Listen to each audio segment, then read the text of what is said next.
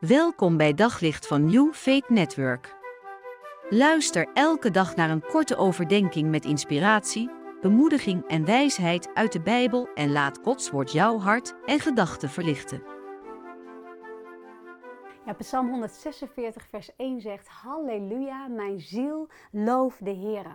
En wist je dat de psalmen uh, 145 tot 150 allemaal lofpsalmen zijn? Goede psalmen om te kiezen als jij je niet fijn voelt.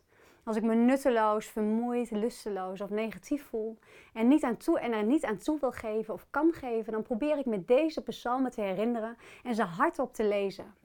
Meestal ben ik zo zagrijnig, maar dan heb ik toch geleerd om mijn zinnen erop te zetten en er niet te lang in te blijven hangen. Het doet niemand goed in ons gezin en aangezien ik als moeder en volwassene een groot deel van de sfeer bepaal in ons huis, is het van groot belang dat ik dit positieve besluit neem. En inderdaad, samen met vaak een kort gebed en de wil om dit gevoel niet te laten overheersen, verandert het mijn stemming langzaam maar zeker en zet het iets vrij in mijn hoofd. Ik noem ze ook wel gelukstofjes van God. Net zoals het stofje endorfine vrijkomt als je sport en je gelukzalig en euforisch gevoel kan geven, werkt het proclameren van Gods woord en kan het een enorme verandering in je dag brengen. En goede en positieve gedachten die in overeenstemming zijn met de waarheid van Gods woord, zorgen voor stabiliteit in je levenshouding en voor prettige emoties.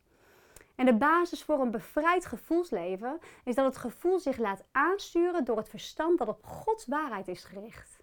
Dus vaak is het een keuze van het verstand om deze lofpsalmen hardop voor te lezen en daarna volgt het blije gevoel.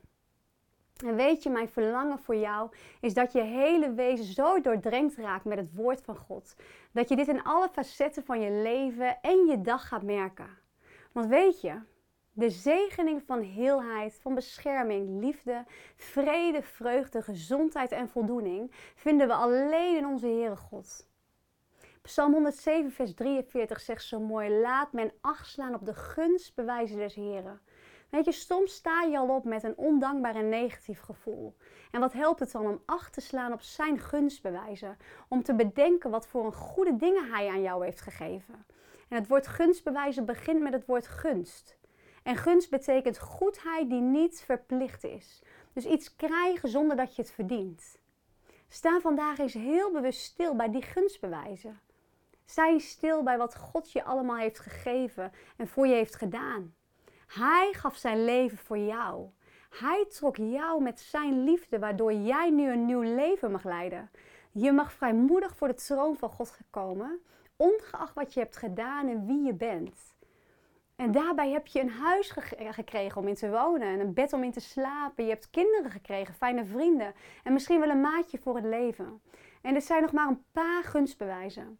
We kennen ontelbaar veel gunstbewijzen. En als je die bedenkt, kun je hem lof en eer bewijzen met het hardop lezen van deze prachtige lofpsalmen. Weet je, we zijn rijk gezegende mensen. En als je acht slaat op zijn gunstbewijzen, dan verandert dat je denken, je gedrag en je spreken. En zal jouw hart gevuld worden met zijn liefde. En wie wil nou niet graag bij zo'n iemand zijn? Op zoek naar nog meer geloof, hoop en liefde. Op New Faith Network vind je honderden christelijke films, series en programma's. Nog geen lid? Probeer het 14 dagen gratis op newfaithnetwork.nl.